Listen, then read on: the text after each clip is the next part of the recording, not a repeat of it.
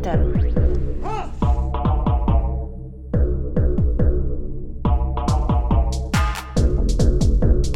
Berätta inte för mig om det svenska klassamhället.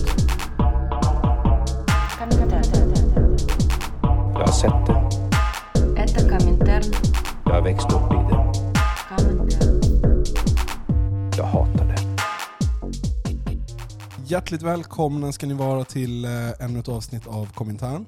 Det är en del av vår Stockholmsoffensiv eh, där vi eh, intervjuar människor i och kring Stockholms stad, huvudstaden. I det här fallet så eh, har vi bjudit in historikern och författaren Christer Bergström. Och vi ska tala om Stalingrad i synnerhet, Stalingrad nya perspektiv på ett episkt slag har vi här framför oss, boken. Och sen så ska vi tala lite om Wehrmacht och Röda armén och myter och missförstånd därom. Och sen så kanske vi ballar ur och snackar lite allmänt om andra världskriget bara. Vi får se vart samtalet för oss. Välkommen. Tack. Vi har även eh, den evigt trofaste proletära kämpen Tor Ja. i, eh, i studion. Så, och så jag, nu- Gaspar. Nu är det MÖP. Nu kör vi MÖP. Välkommen till Eldrörelse. Ja. Det är vi som... vi sadlar om eh, och eh, tar ett... Eh, vanligtvis så har vi ett väldigt... Eh, vad ska man säga? Ett socialt perspektiv. Nu kan det bli mycket hårdvara snack. Det kan vara så att jag inte kan hålla mig från att diskutera fördelar och nackdelar med 88 mm, 76 mm och så vidare. och så vidare. Eh, Men vi, vi, kommer, vi får se om vi kommer dit. Okej, du har skrivit eh, Stalingrad, eh, nya perspektiv på ett eh, episkt slag. Vill du ge någon slags översiktsbeskrivning av den boken? Ja, alltså det finns ju så väldigt mycket myter kring slaget om Stalingrad. Och, och det beror ju, har ju en mängd olika orsaker. Eh, den viktigaste av dem är ju att de gamla sovjetiska arkiven var ju stängda. Och de, det kalla kriget bröt ut. Och västmakterna var ju intresserade av att höra den tyska synen. Alltså tyskarna kunde ju det här med att, visste hur man slåss mot ryssarna och, och, vad de har för krigsmakt och så. Så då släppte man loss de gamla tyska generalerna eh, att berätta och skriva sina memoarer och, och sådana saker. Och det låg ju i deras intresse då att eh, rentvå sig själva från skuld och att framställa sig själv som så skickliga härförare som möjligt och, och så här och att bortförklara sina egna tillkortakommanden och, och sådana saker. Så att det ledde ju till en, en, en ganska så förvrängd bild utav hela kriget på östfronten och inte minst då slaget om Stalingrad som ju slutade i en katastrof för tyskarna.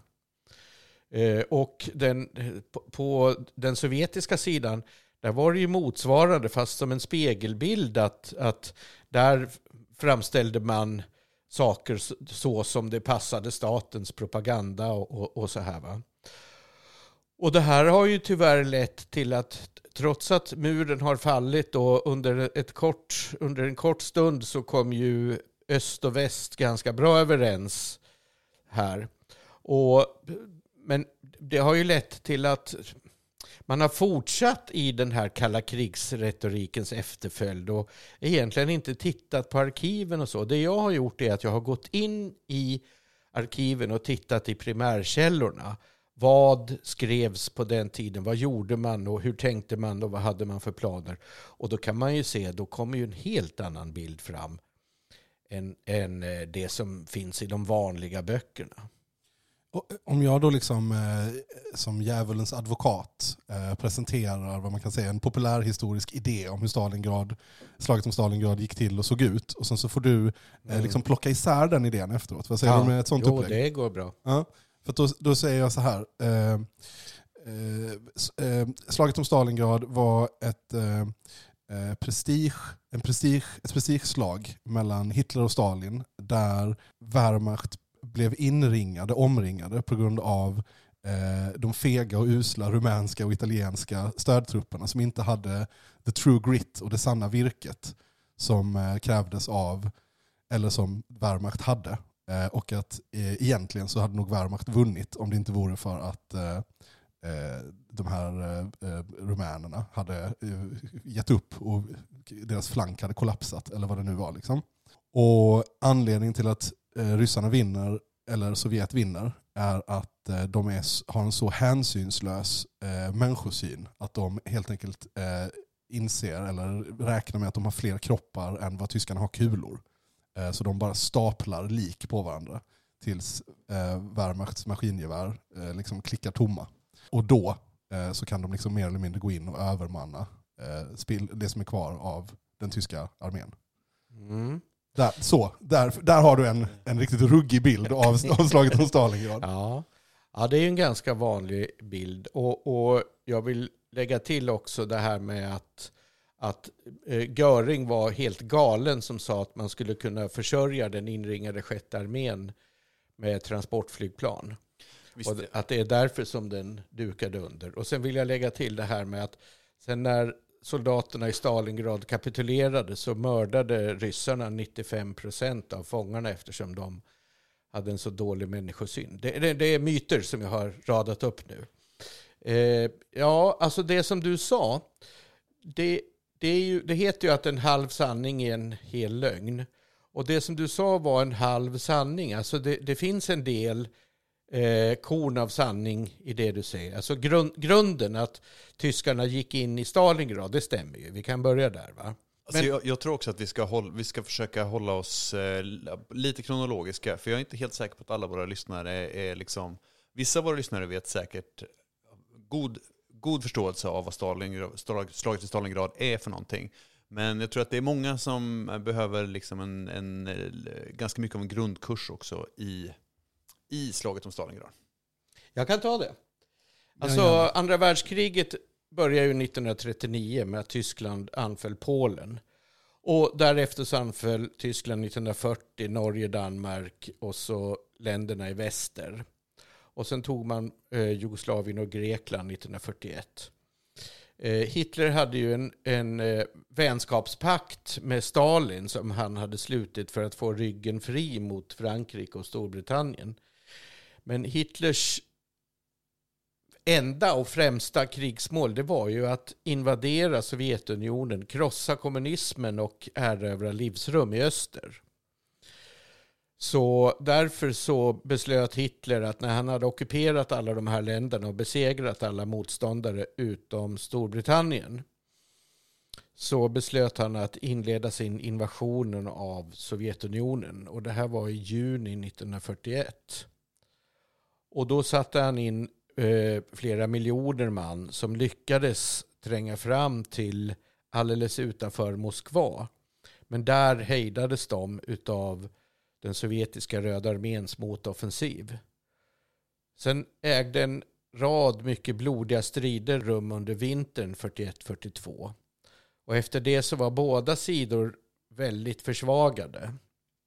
Men Hitler koncentrerade det han hade på den södra, i södra Ryssland. För han hade gett upp hoppet om att det skulle gå att krossa Sovjetunionen.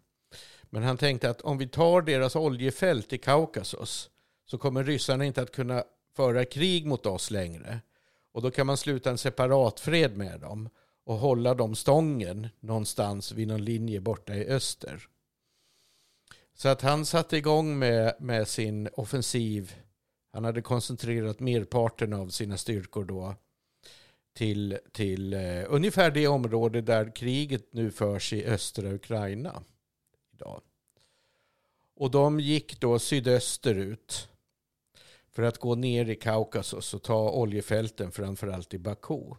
Men avståndet dit, längst ner i, i, nästan längst ner i, i södra Kaukasus vid Kaspiska havet, det är ju ett enormt avstånd och det fanns inga ordentliga vägar och, och så här på den tiden. Så det var ju väldigt svårt att försörja en armé så långt söderut.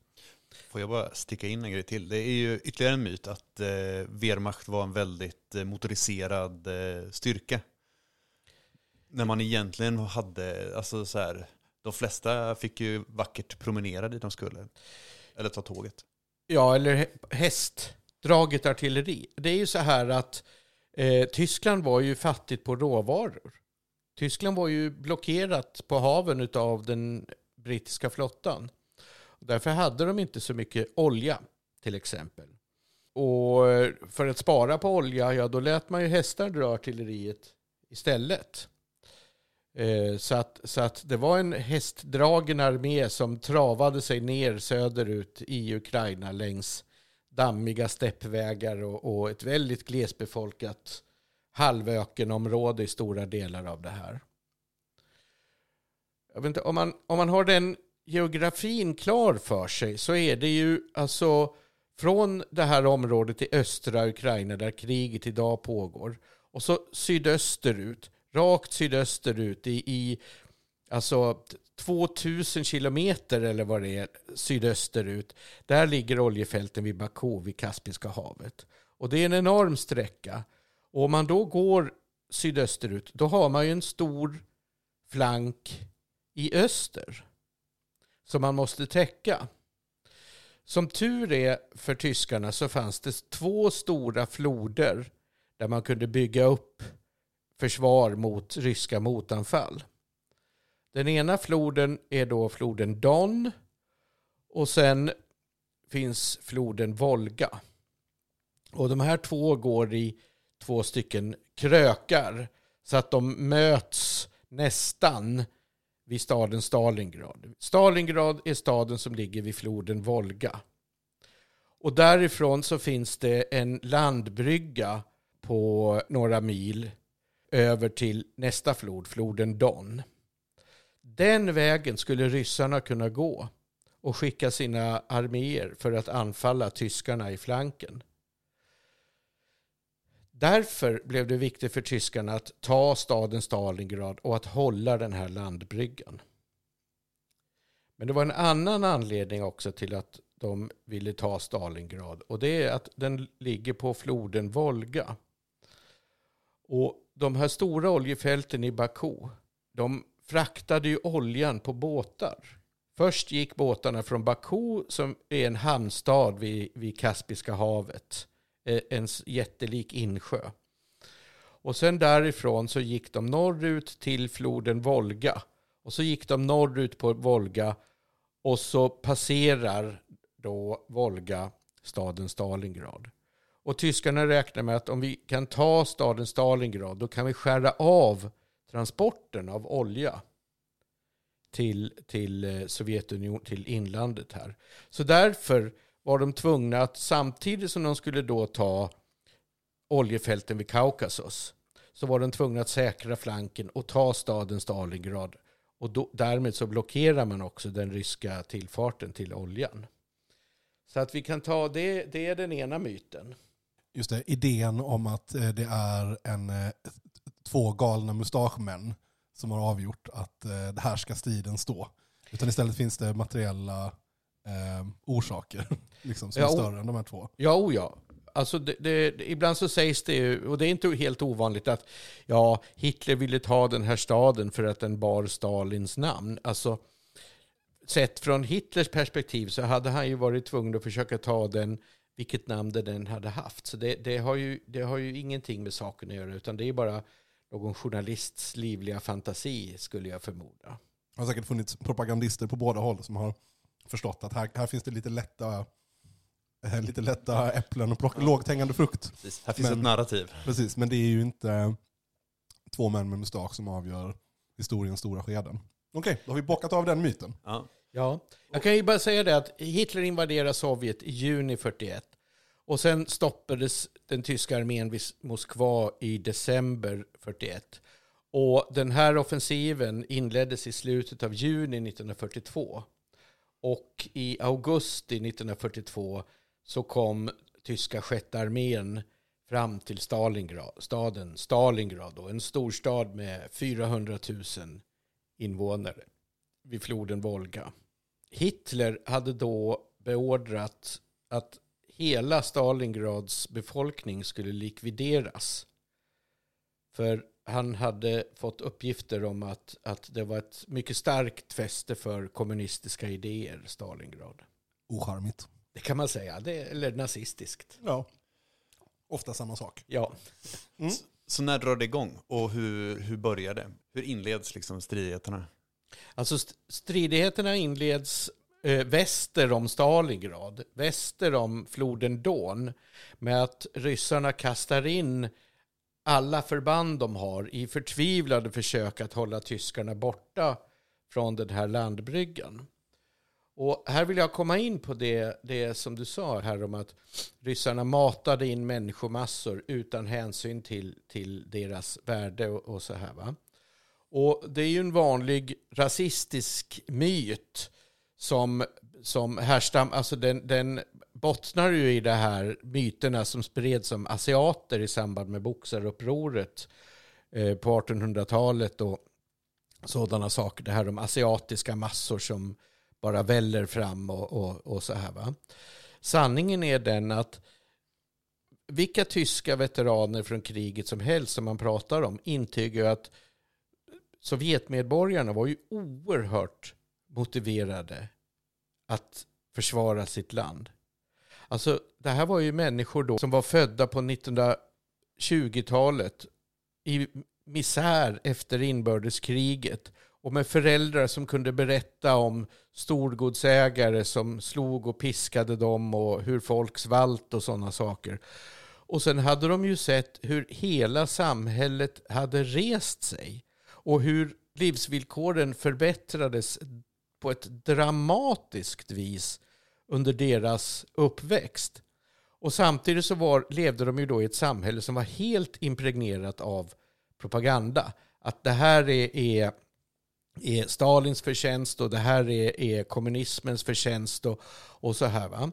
Så de hade ju sett vilka enorma sociala framsteg som gjordes. Alltså det, det, det går ju inte att jämföra. Det, det är ju, det, det, är ju otroligt. Och då fick de höra att nu kommer fascismen och fascismen de vill kasta oss tillbaka till det här och de vill göra det ännu värre för oss än vad det var på storgodsägarnas tid. Och det var ju sant också. När tyskarna gick in i, i Sovjetunionen så ge, det var ju ett förintelsekrig där de slaktade, mördade, våldtog, brände hur mycket som helst. Och att då få unga killar och tjejer med för den delen att bli motiverade att bekämpa de här bästarna. Alltså det stod ju mellan heaven and hell. De förväntade sig ju att, att vår, när, vi, när vi blir gamla då kommer vi att leva i paradiset på jorden om vi lyckas slå tillbaka de här. Annars så kommer vi att leva i ett enda gigantiskt koncentrationsläger. Så att de sovjetiska soldaterna var ju ohyggligt motiverade och de visade en enorm offervilja. De uppoffrade sig därför att de hade fostrats till att tänka kollektivt. Vi slåss för vårt samhälle och våra barns framtid och och så här va. Och därför tog de hur mycket risker som helst. Det finns ju massor av exempel på hur tyskar berättar hur ryssar slängde sig framför öppningen i en bunker och lät sig genomborras av kulsprutekulor för att deras kamrater skulle kunna storma och ta bunkern. Eller hur ryska soldater satt i brinnande stridsvagnar och rammade tyska stridsvagnar. Eller hur de flygare rammade tyska flygplan och sådana saker. Så att det här med att en massa ryska soldater springer fram utan, alltså helt, helt orädda. Dödsföraktande, det stämmer. Men den här myten om att det skulle ha funnits kommissarier som står bakom dem och hotar dem med kulsprutor och mejar ner dem som flyr och så här, det är bara en, bara en Hollywood-myt. Det skulle inte ha behövts. Och dess, men alltså, ryssarna hade det som kallades för spärrförband. Och det var en sorts militärpoliser som var bakom fronten.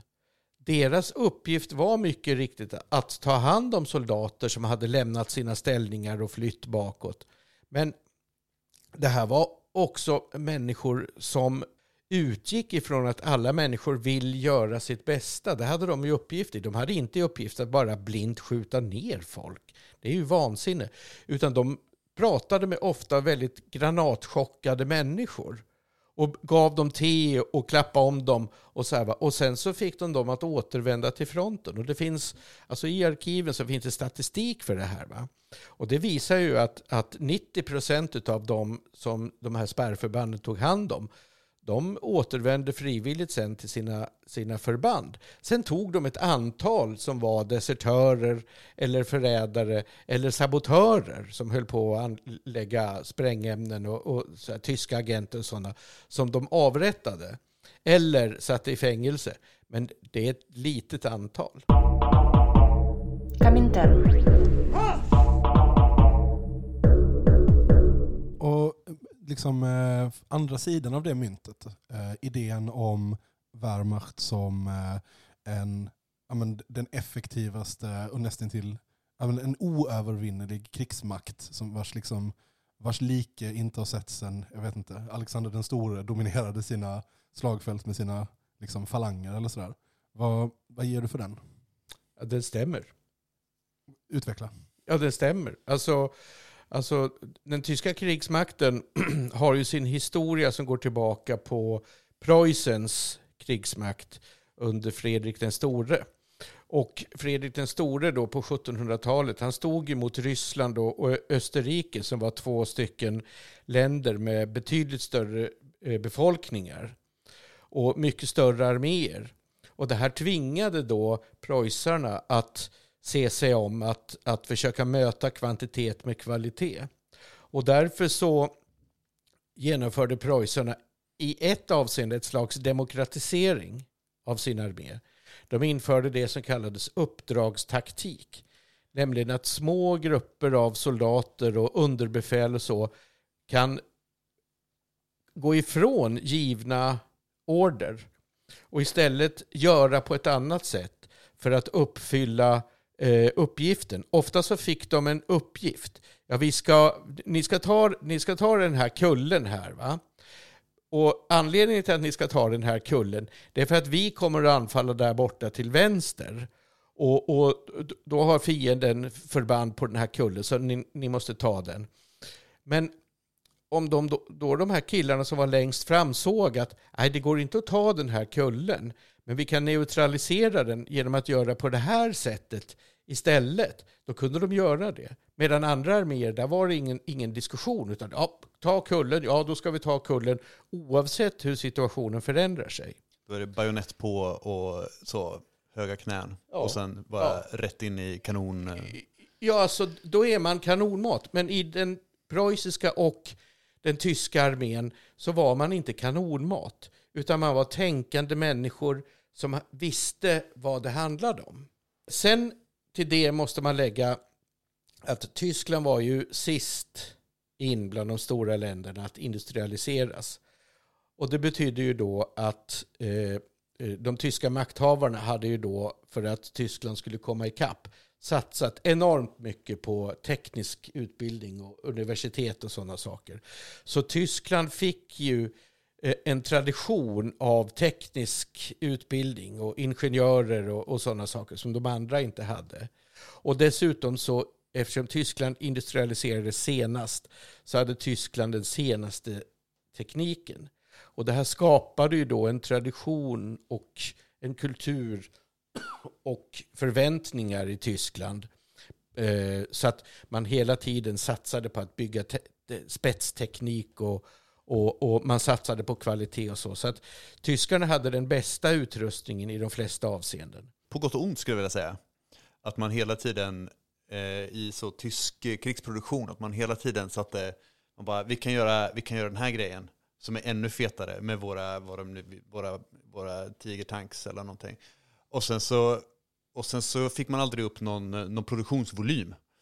För att man hela tiden var tvungen att ställa om till att bygga nya saker och nya saker och nya saker. Så att man hade liksom, eh, man hade väldigt, väldigt eh, moderna eh, modern krigsmateriel. Men man hade inte så mycket av det som man hade behövt.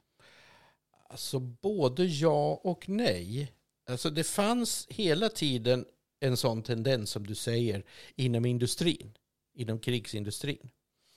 Men Hitler var hela tiden inställd på just den här invändningen som du säger. Och han stoppade många gånger vapen, ny vapenteknik därför att han sa nej, det är bättre att vi satsar på kvantitet. Och ibland så slog faktiskt Hitlers pendel över för långt åt andra hållet. Till exempel när han stoppade den första automatkarbinen och, och, och fördröjde den. Eller han stoppade och fördröjde jetplanet Messerschmitt 262. Så att det fanns, det fanns eh, både och där. Men för att komma tillbaka till det här så har vi ju då de två faktorerna. Att den tyska krigsmakten hade eh, bety eh, alltså det var betydligt mer flexiblare militära förband. Sen hade de också en, en, en väldigt hög te eh, teknisk kvalitet på sin utrustning. Och det tredje är att på ett sätt så påminde ju Tyskland om Sovjetunionen, alltså Nazityskland. Och det var ju att det var ett land som var helt impregnerat av propaganda. Och det var ju samma sak för de unga tyskarna. De som var födda på 1920-talet. De växte ju upp i ett samhälle som var helt likriktat, där man fick lära sig att ni är den utvalda generationen. Ni är de som kommer att rädda vårt Tyskland och det tyska folket för tusen år framöver. Ni kommer att vara de som man bygger statyer över, som man dyrkar om tusen år. Ni är de utvalda. Och det här skapade också en oerhört hög motivation hos de tyska soldaterna. Så att det var ju två sidor av väldigt högt motiverade soldater. Och där kan man säga att tyskarna, hur såg de på sin, sin sovjetiska motståndare? Jo, med en oerhörd respekt. Det här är människor som aldrig ger sig. De här är, är omöjliga att få på knä. De här måste man döda till sista man. De ger sig inte. Och hur såg ryssarna på tyskar? Jo, som väldigt, väldigt farliga och skickliga och helt, helt omänskliga vilddjur beredda att begå vilka förbrytelser som helst. Så det fanns en ömsesidig skräck för varandra. Jag antar att jag försöker komma åt begreppet det tragiska Wehrmacht. Alltså att det finns en idé om att ja, men hände obehagliga saker med olika polisförband och, och Waffen-SS. Ja, de var, och SS-trupperna, de var, de var inga goa personer. De, de begick krigsförbrytelser och de var rätt ärliga. Och, ja, lägervakterna i dödslägren, de var ju naturligtvis eh, eh, psykopater allesammans och sånt där. Men, men, men Wehrmacht, alltså det var ju ändå bara tyska bondpojkar som eh, krigade på så gott de kunde. Eh, och, och gjorde sitt, men gjorde sitt bästa överlag och, och kanske egentligen inte var sådär otroligt ideologiskt intresserade. Eh, och definitivt inte sysslade med mer krigsförbrytelser än någon annan. Jag menar krig är ju krig, det är ju hemskt. Men eh, och, och, och, ja, vill man ha en omelett så får man knäcka lite ägg. Eh, och på något sätt liksom skyffla undan eh, det systematiska alltså förintelseaspekten av, av Wehrmachts krig i öst. Och nazismen från Wehrmacht. Att man bara säger nej, nej, det var SS som var nazister. Wehrmacht, nej. Ja, alltså den tyska krigsmakten var ju som hela Tyskland fullkomligt präglad av nazismen. Naturligtvis. Och nazismens rasidéer. Och det kan man se också att när tyskarna krigade mot britter britter och amerikaner, ja då vanliga Wehrmachtsoldater, då var de inte värre än andra. Eh, så här, det är klart att det förekommer övergrepp, men inte, det var ingenting typiskt för tyskarna när de slogs mot britter och amerikaner. Men de hade ju fått höra att ryssarna är inte bara undermänniskor, utan de, de leds av onda jud, judiska politiska kommissarier och då, de är i stånd att begå vad som helst. Och de är som ett slags djur. Och om du begår övergrepp mot dem, då kommer inga repressalier mot dig. Åtminstone inte, du kan våldta en massa ryska kvinnor hur mycket som helst, bara liksom ingen kommer på dig. För då kanske vi måste göra något för syns skull så här va. Men det här är odjur som du inte behöver respektera. Och det här ledde ju till en mängd övergrepp från, som du säger, vanliga tyska bondpojkar. inte nödvändigtvis av ideologiska skäl som när SS och Einsatzgruppen sköt eh, en massa judar och romer och, och så här. Va? Utan helt enkelt därför att de hade blivit itutade att det här är, det här är någon sorts schakaler som man måste passa sig för. Och, och, och visar de tänderna så är det bara att skjuta som gäller. En brutalisering av, eh, liksom, av förbanden helt enkelt. En, en av, avhumanisering av fienden på, ett, på en ny nivå. Liksom. Ja, men alltså det som, är så, som jag tycker är sorgligt är att på något sätt så vann så har, liksom, har nazisterna vunnit någon slags propagandastrid från beyond the grave. Eh, I att Ja, men tittar man på den, eh, den klassiska filmen Stalingrad, liksom, den tyska filmen, som är, vad är det, Wolfgang, han som har gjort Das Boot också. Är det väl? Ja. Ja. Eh, Då får man ju bilden av ja, men det, det är ganska hyggliga tyska bondpojkar som har hamnat i en lite knepig situation. Och, ja, det här med nazismen var väl ingen jättebra idé och de ångrar sig väl. Men om man tittar på en annan, om man ställer den liksom mot en annan film, den här liksom, den klassiska Come and see. Ja, k- kom och se liksom. Där, där, är ju, där är ju de tyska förbanden, det är ju bara ett sånt jävla gäng Hells Angels. Ett jävla rövarpack. Bara Pissfulla psykopater som burnar runt på stepparna på, på motorcyklar och half-tracks och bara bränner och mördar och förstör och, och är bara alltså, ja, demoner. Liksom. Det är två väldigt olika bilder av, av Wehrmacht. Och min, min poäng här är att den ena är mycket mer sann än den andra. Alltså det är det, det, liksom, bilden av Wehrmacht som någon slags kliniskt ren, eh, eh hypereffektiv, eh, superdisciplinerad eh, maskin som är bra på att kriga för att den består av eh, godmodiga och plikttrogna eh, unga tyskar. Eh, den, det är liksom, det är bara nys. Liksom. Eh, de kan säkert vara duktiga på att slåss, men de var ju också jävla monster. Liksom. Det var närmare Hells Angels än eh, Stormtroopers. Det räcker med att titta i, i den enorma, det berg av vittnesmål som ligger till grund för Nürnbergrättegångarna. Så kan man ju se att den här som du kallar för Hells Angels, det, det, det var ju, det var ju allestädes närvarande. Detta betyder ju inte att varje enskild tysk soldat betedde sig på det sättet. Så var det ju förstås inte, utan när man kallade in alla människor och satte alla människor på uniform, de människor som var gangsters och våldsbenägna och hade olika psykiska defekter och, och, av varierande grad och så, om de fick fritt fram, ja då, då blev det ju på det här sättet. Men sen fanns det ju väldigt många människor som hade en hög moral och, och, och som var humanistiskt eh, liksom tänkande människor om alla människors lika värde och, och så här va. Som såg på det här med avsky. Och det finns ju också många exempel på hur tyska soldater har avstyrt försök till den typen av massakrer och, och sådär. Va? Så att jag tror att man måste komma bort ifrån det här att se det som en enda klump. Utan man måste förstå att, att det här var en grupp människor.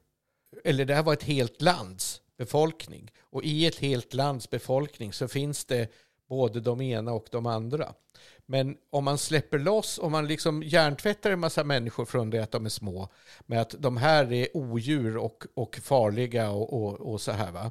Och sen så släpper man loss dem med vapen mot sådana och säger mer eller mindre, ni får göra vad ni vill. Ja, då kommer vissa att göra på det här sättet. Man får inte glömma alltså, skalan vi talar om här. I, alltså, i rena, alltså, hur många människor det är inblandade. Nu vet jag inte liksom hur många tyska soldater som gick över gränsen i den här operation Barbarossa brakade lös. Men Men bara, eh, okej det här tar jag från filmen Stalingrad, men bara sjätte armén som gick mot Stalingrad var ju 225 000 personer. Ja, och, jag vet inte, det dör väl, jag vet inte om det är någonstans mellan 5 och 7 miljoner eh, sovjetiska soldater. Liksom. Alltså inte civila, utan bara soldater då. Eh, jag vet inte hur, många, hur stora tyska förluster Nej, man- men, det, det, men det är enorma mängder människor vi talar om. Men väl, sa- samtidigt så dör det ju 13-14 miljoner sovjetiska civila. Varav flera miljoner dör av svält. Man räknar med uppemot 7 miljoner som dog av svält den första vintern när tyskarna la beslag på all mat. Ja, och det är ju... Jag vet inte ens om det är intressant att tala om huruvida den, det liksom är en skapad svält eller om det bara är underlåtenhet. Eller så här. Men, men de... Ja, det är en skapad svält. Göring tog ju fram något som han kallar för gröna mappen. Där, man, där han talade om ungefär 30 miljoner onödiga munnar som skulle, skulle lämnas att dö. Alltså han tyckte att livsmedlen som producerades där, det skulle gå till Tyskland och det fanns 30 miljoner onödiga munnar att mätta som skulle dö. Så att man löste livsmedelskrisen på det sättet. Så det var skapad svält.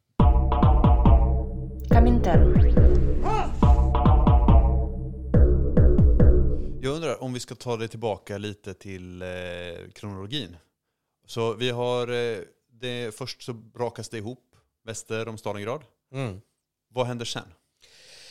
Ja, sen går tyskarna in i Stalingrad och ryssarna är ju då ganska så illa tilltygade och har inte särskilt mycket, mycket förband i Stalingrad. Men från fabrikerna så går det ut då frivilliga arbetare i arbetarmiliser och det är tjejer som sköter luftvärnskanoner som riktar eldrören neråt mot de tyska stridsvagnarna och, och så här. Va? Så tyskarna möter ju då ett otroligt hårt motstånd. Så det är väldigt svårt för dem att ta sig fram mot och in mot Stalingrad. Och då skickar ju tyskarna fram hela sitt flygvapen, Luftwaffe, som under flera dagar öser bomber över Stalingrad i, i en fruktansvärd terrorräd som beräknas ha kostat 40 000 människor livet. Så att den här staden blir då totalförstörd. Och det här drabbar ju sedan tyskarna när de tränger in i Stalingrad eftersom då blockeras ju många gator av rasmassor som gör det svårt för tyska stridsfordon och, stridsvagnar att- att ta sig fram. Va?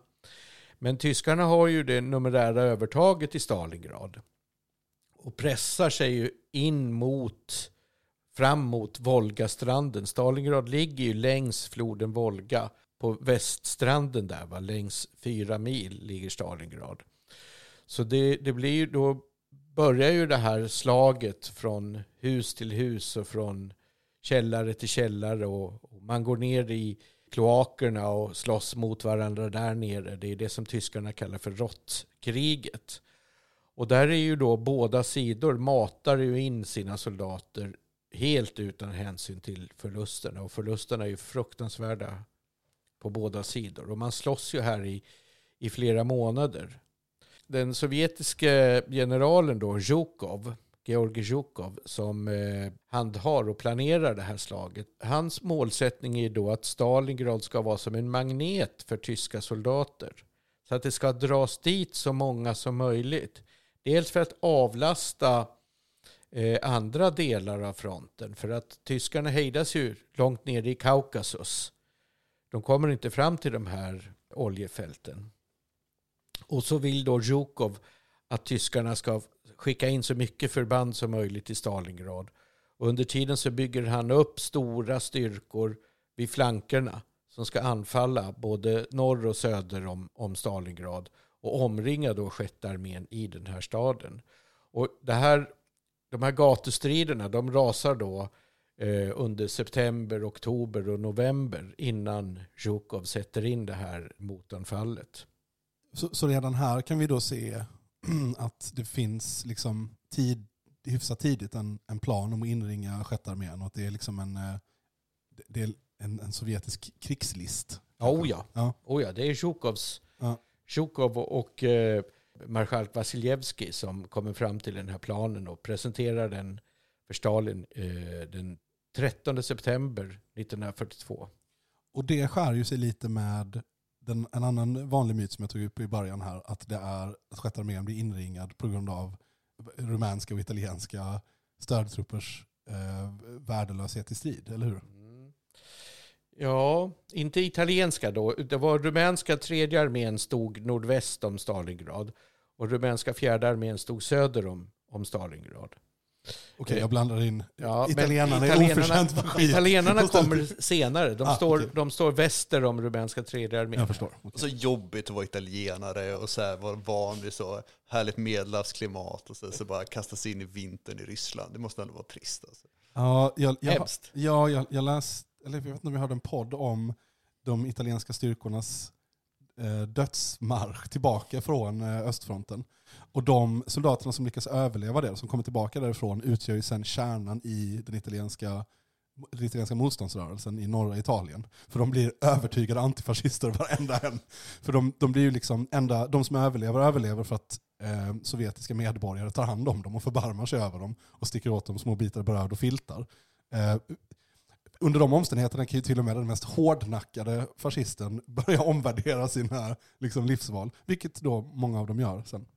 Det var inte alls ovanligt att soldater i sovjetisk fångenskap blev omvända politiskt. Det var, det var 40 procent av de tyska soldaterna i fångenskap eh, anslöt sig till, till nationalkommittén för ett fritt Tyskland.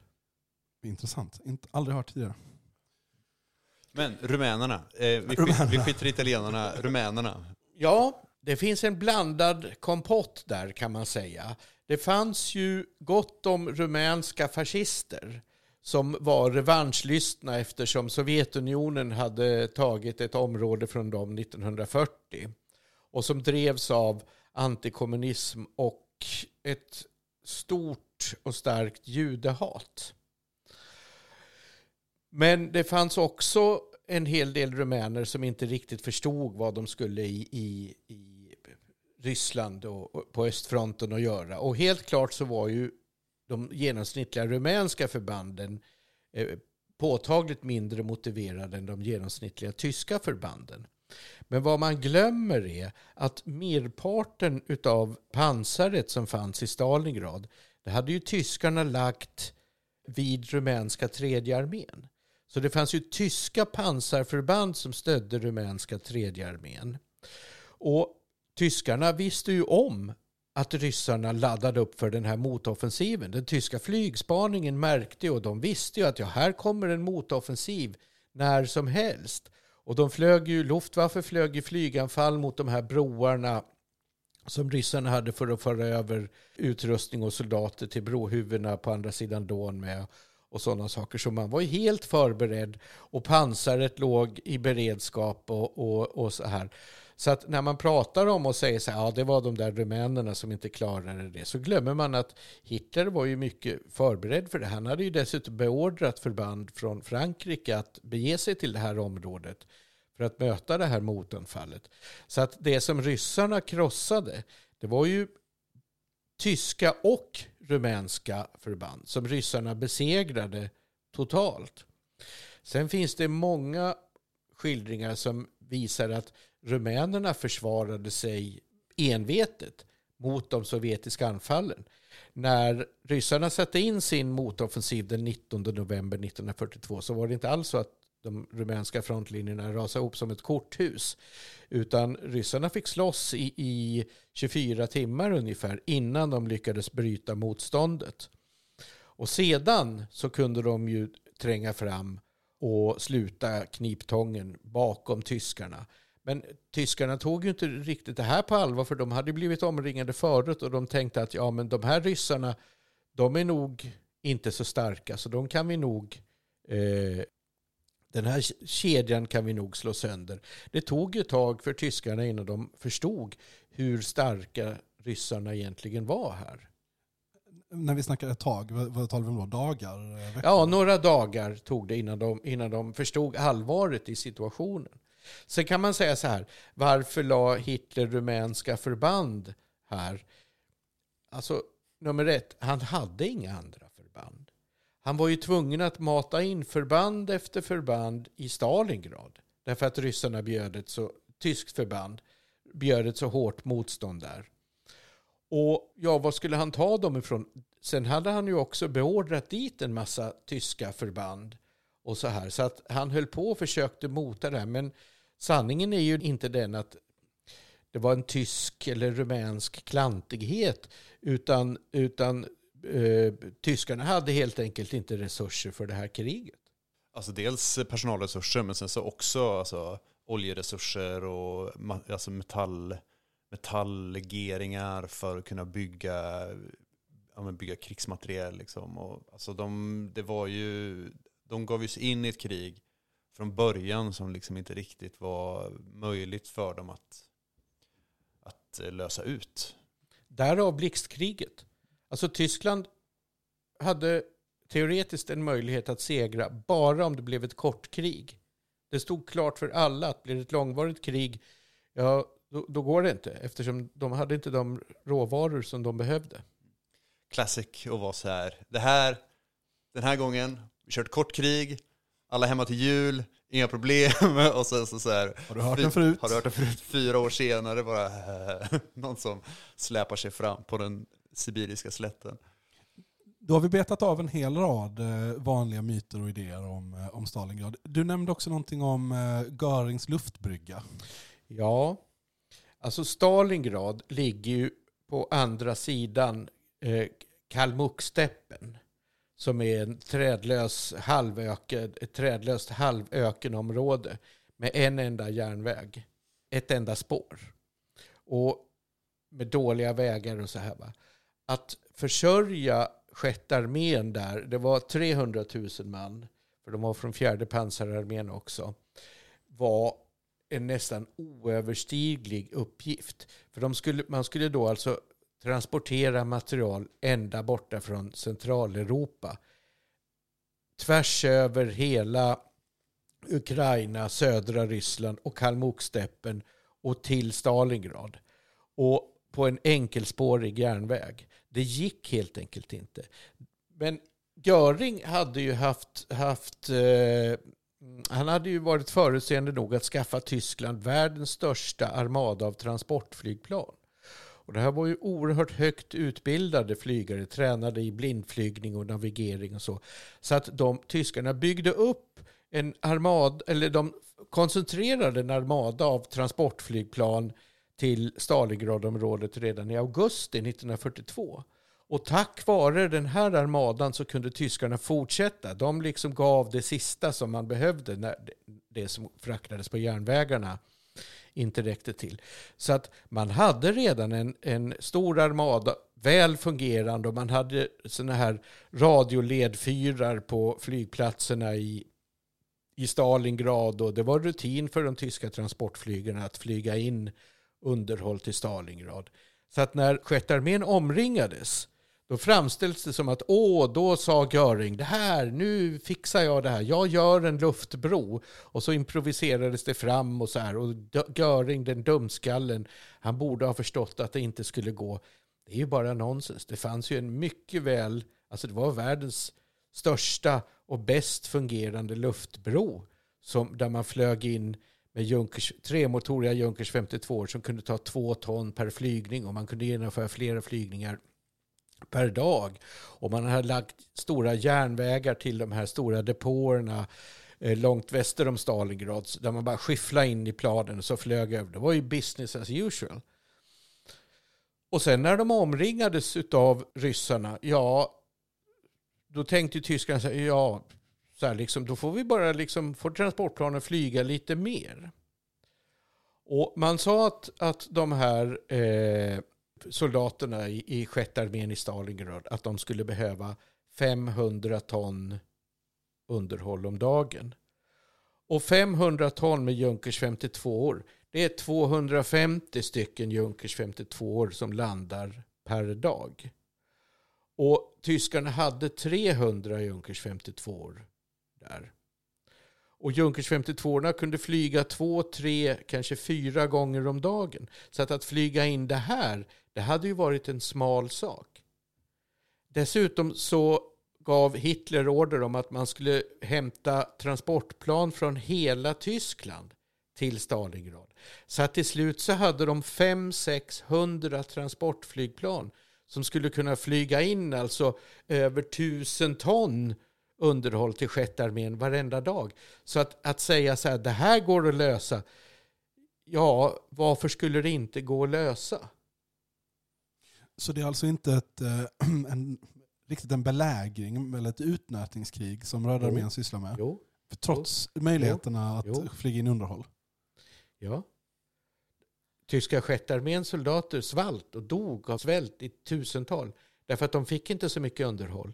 Och det här berodde på någonting som tyskarna absolut inte kunde erkänna. Nämligen att ryssarna hade byggt upp ett så starkt jaktflyg. Så att de sköt ner så oerhört många tyska transportflygplan. Det blev så väldigt farligt att flyga de här transportuppdragen.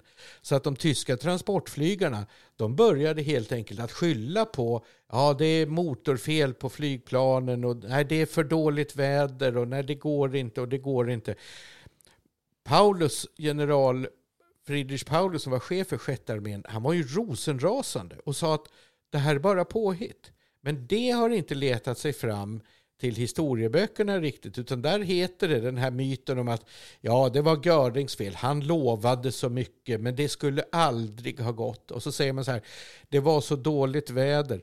Alltså faktum är att de här transportflygarna, det var ju världens bästa blindflygutbildade och de föredrog att flyga i dåligt väder eftersom då var inte det ryska jaktflyget lika farligt.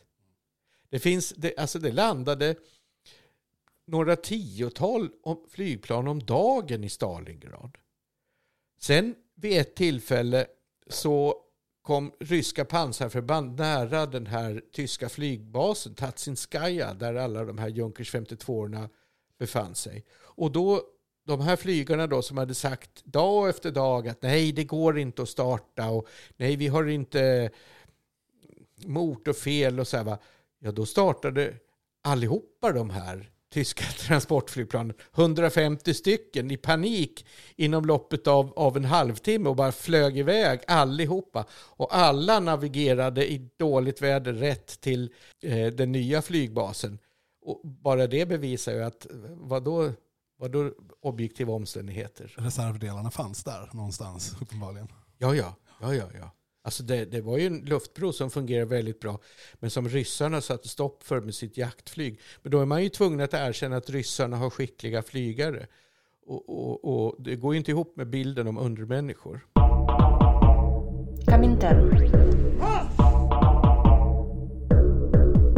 Hur slutar sen slaget? Ja, precis. Sjätte armén eh, med Paulus i spetsen inringad. De hungrar, de svälter. Alltså det var ju ett katastrofområde. De fick ju inte mat ordentligt. Alltså redan efter en månad så dog ju soldater, ramlade omkull och dog bara av svält. Eh, atrofi, alltså muskelförtvining på grund av att man inte hade någon mat. Och så. Och motståndskraften mot sjukdomar eh, sjönk så att de dog i, i eh, tyfus och fläckfeber och, och, och sådana saker. Så det var ju tusentals tyska soldater som dog av hunger och, och sjukdomar på grund av, av eh, det här. Och Röda armén stod under tiden, med vissa undantag, med gevär för fot och bara väntade in det här. Och 10 januari 1943 så gav ryssarna då Eh, general Paulus ett erbjudande om att kapitulera. Och det avslog general Paulus. Och om man tittar på siffrorna så kan man se att den 6 januari 1943 då bestod tyska sjätte armén av ungefär 200 000 soldater. Och 31 januari när de kapitulerade då fanns det 90 000 kvar. Och det hade inte varit mycket strider utan det låg ihjälsvultna människor överallt. 90 000 tyskar togs till fånga av ryssarna. Och ryska soldater som berättar om det här, de säger att bland de här, det fanns inte en enda som var frisk. Alla var sjuka, döende, utmärglade, halvt medvetslösa och så här. va. Och då hade de ju dött flera tusen om dagen under hela januari 1943. Och sen när de blev tillfångatagna av ryssarna, då fortsatte de naturligtvis att dö flera tusen om dagen. Och dödstalet ökar ju naturligtvis. Det dör ju fler och fler för varje dag. Eftersom för varje dag som går så är de ju mer och mer försvagade. Och till slut så, så hade ju nästan allihopa dött. Och ryssarna gjorde sitt bästa för att hjälpa de här. Men om, man, om människor har hungrat väldigt länge så är det inte bara att stoppa i dem mat och så ordnar sig allting. Utan de är sjuka och de är allmänt försvagade och deras inre organ har slutat att fungera. och Så här va. Så att på grund av att general Paulus vägrade kapitulera så dog ju merparten av de här tyska soldaterna. Av 90 000 som kapitulerade så återvände 5 000 till Tyskland efter, efter kriget. Sen har man efter kriget, i kalla krigets anda, så har man använt det här då med att det ska ha varit någon sorts 90-procentig dödstal då har man extrapolerat det och så har man sagt att ja, det här är, är ganska typiskt för den sovjetiska behandlingen av tyska krigsfångar. De lät dem dö eller avrättade dem. Och det finns ju de som påstår att ryssarna dödade, avrättade 95 procent av de här fångarna. Det är ju helt fel. Alltså det är ju, Röda armén gjorde ju allt de kunde för att rädda de här människorna. Därför att de behövde ju de här för underrättelser och för att förhöra dem och sådana saker. Men det är också en sån här vanlig myt om, om Stalingrad att, att de skulle ha avrättat så väldigt många i, i, i fångenskap. Med det här så säger inte jag att Stalin och, och Stal, det stalinistiska systemet och att de var väldigt humanistiska i alla lägen och sådana saker. Utan jag försöker bara liksom att redovisa fakta. Alltså nej, ryssarna avrättade inte allihopa de här, utan de dog av en svält som hade kunnat avhjälpas om tyskarna hade, hade kapitulerat i tid. Var, varför sitter vi här och talar om, om slaget i Stalingrad? Var, varför är det så...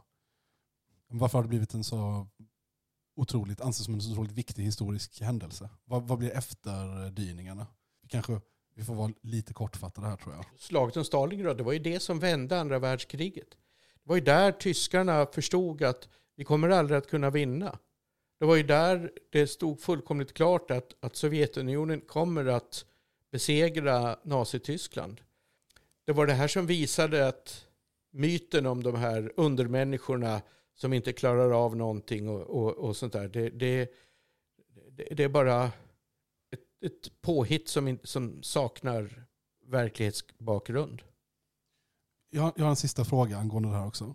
Jag, likt alla andra killar, har åtminstone en Anthony Beaver-bok i bokhyllan. Stalingrad tror jag i det här fallet. Jag har hört ryktesvägen att du har en, en oplockad gås, eller vad det heter. Eller att du har viss kritik mot den boken. Ja, alltså den är ju alltså, den är så full av fel. Alltså, alltså det fanns en, en sovjetisk prickskytt i Stalingrad som hette Vasilij Zaitsev. Som, som var prickskytt och sköt ihjäl många tyskar. Och, och man har gjort en, lite filmer om honom och så här. Va? Och då skriver Anthony Beevor och så här. Va? Men det berättar inte ryssarna att efter kriget då blev Vasilij Zaitsev eh, kristen och munk och levde minsann i ett kloster och var helt emot kommunismen och sådana saker. Och det gör Anthony Beaver en stor sak av. Och det är så pinsamt därför att ryska ortodoxa kyrkan de spred ett rykte att en munk som hette Vasilij Zaitsev och som hade krigat i Stalingrad, att han var den här prickskytten. Men den här riktiga Vasilij Zaitsev, han var ju död när det här ryktet spreds. Och så intervjuade de hans hustru. Och då sa hon så här, ja, min man har varit ateist och kommunist i hela sitt liv. Och han var i alla fall ateist när jag begravde honom. Så jag vet inte vad jag ska säga om det. här. Och det är så pinsamt att Anthony Beaver säger, jag vet inte vad han hade för motiv. Men att han inte har kontrollerat det här bättre. Alltså det är bara ett exempel på en rad pinsamma felaktigheter som finns där. Det, det, det är en otillräcklig research. Det, om man någonsin, det var en svidande nedgörning. Det är fulla fel helt enkelt. Man borde köpa din bok istället och läsa den om man vill ha en, eh, en eh, god förståelse för slaget om Stalingrad. Alltså jag kallar den ju för nya perspektiv på ett episkt slag. Och eh, alltså jag skriver ju böcker när jag hittar saker i, i primärkällor och sådär som, som visar att andra tidigare uppfattningar inte håller. Och det jag gör det är ju egentligen inte, jag skriver inte skönlitteratur utan jag bara förmedlar vad som står i primärkällorna. Eh, innan vi avrundar, du nämnde att du nyligen har skrivit en ny bok. Eh, vill du passa på att säga några ord om det? Jag tycker det är klädsamt när man bjuder in någon som gäst att de får berätta lite om vad de håller på med just nu. Ja, ny bok. Jag har skrivit en bok som heter Bortrivna sidor ur historien. Som har väckt stort intresse och som handlar om okända, eller i vår del av världen ganska okända delar i historien. Sånt som man inte pratar om i historieskrivningen. Jag, jag förklarar till exempel om hur engelsmännen framkallade en medveten svält i, i Indien eh, 1943 där det dog många miljoner människor. Eller så pratar jag om, om Kina och hur Kina var det ekonomiskt ledande landet i världen tills Kina degraderades av, av västvärlden. Eller första världskriget, hur man har man säger att 10 miljoner människor dog i första världskriget. Nej, det dog 20 miljoner. Men de där 10 miljonerna som man inte pratar om, de pratar man inte om därför att det gynnar inte den segrande sidan. Och, och en massa sådana saker. Bortrivna sidor ur historien. Tack så mycket. Det låter väldigt intressant. Eh, kanske kan du återkomma och prata om det vid något tillfälle. Gärna. Eh, tusen tack för att du medverkade. Tack så mycket. Ja, tack så hemskt mycket. Om man vill eh, eh, titta mer på oss, vart kan man göra det Gaspar? Man kan väl eh, lyssna på, eh, man kan väl bli Patreon och sånt. Titta på våra sociala medier. Sociala medier finns det. Eh, tack till GRK för Intro, outro. Man kan också mejla oss på kominternpodd.gmail.com om man har eh, ris eller ros eller synpunkter och invändningar. Så kanske vi svarar. Tack ska ni ha. Tack, tack. Yeah, yeah, Isabella. I said it's so hard out here in this world,